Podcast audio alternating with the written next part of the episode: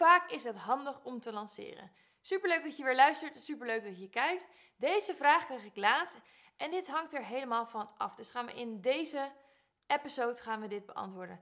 Laten we er even induiken.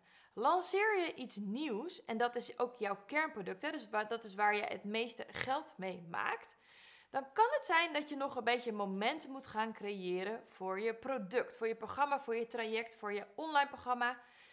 En dan kan je ervoor kiezen om ieder kwartaal te lanceren. Dus dan lanceer je vier keer per jaar.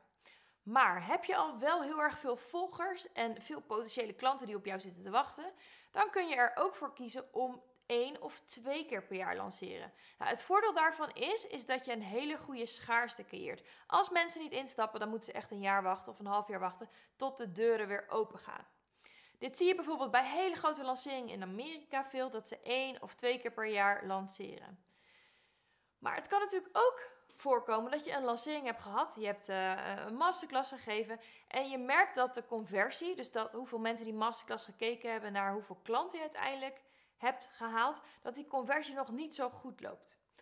Dus er valt nog wat te tweaken, waarschijnlijk aan je masterclass. Nou, moet je dan helemaal gaan wachten een kwartaal voordat je dan weer nieuwe inkomsten kan creëren? Nee, dat hoeft niet. Je kan er dan voor kiezen om bijvoorbeeld maandelijks een kleine lancering te doen. En je doet deze lancering dan naar jouw nieuwe volgers, die je bijvoorbeeld met adverteren hebt aangewend of die jou uh, nog niet zo lang volgen. Dus die zijn nieuw op jouw e-maillijst. Die hebben nog geen lancering van jou meegemaakt. Uh, op die manier kun je je masterclass elke maand gaan tweaken. En kun je kijken of de performance, of hij beter performt, of hij beter resultaat geeft. Je kunt dan je stories en je post en je e-maillijst hou je hier dan buiten. Dus die update je dan niet van je lancering. Zo voelt het niet voor je volgers dat je nou iedere maand aan het lanceren bent. Dus dat is een hele goede manier om heel goed je masterclass en je aanbod te fine-tunen. Wat goed werkt is ook om een evergreen strategie naast een live lanceringsstrategie te bouwen. Nou, wat is live lancering? Wat is evergreen? Live lancering is natuurlijk dat je met heel veel bombari uh, op je socials, op je mailinglijst uh, gaat lanceren. Dus iedereen weet je bent aan het lanceren. En met een live lancering is er echt een deadline. Met een evergreen strategie uh, heb je vaak een automatische funnel van advertentie naar masterclass naar verkoop. En het is dus goed om beide strategieën in je business te hebben, want dan versterken ze elkaar.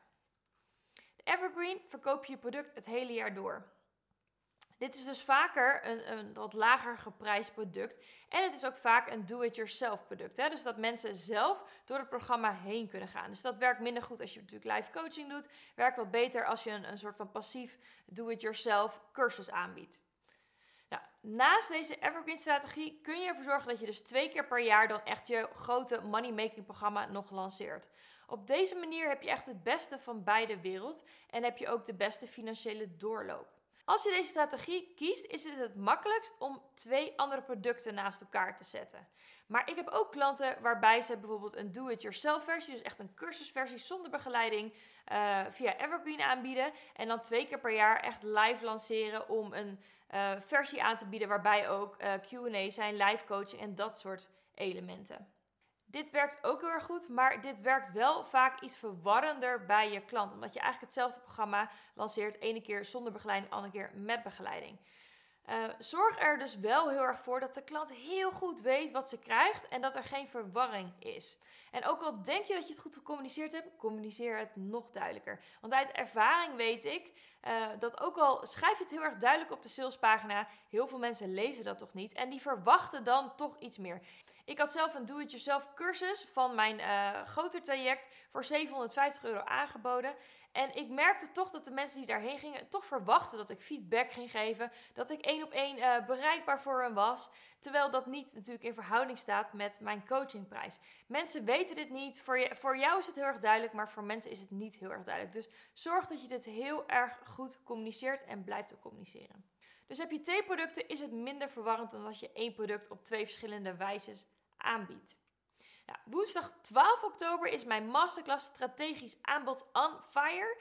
Een van de onderdelen die heel erg belangrijk is van lancering en ook wel de start ervan, is het goed en strategisch en sexy aanbod maken waar jij helemaal verliefd op bent. Twijfel je nog of jouw aanbod echt het aanbod is of ben je klaar om een heel nieuw aanbod te maken? Zorg dat je hierbij bent en uh, kun je in de show notes je aanmelden. Tot de volgende keer.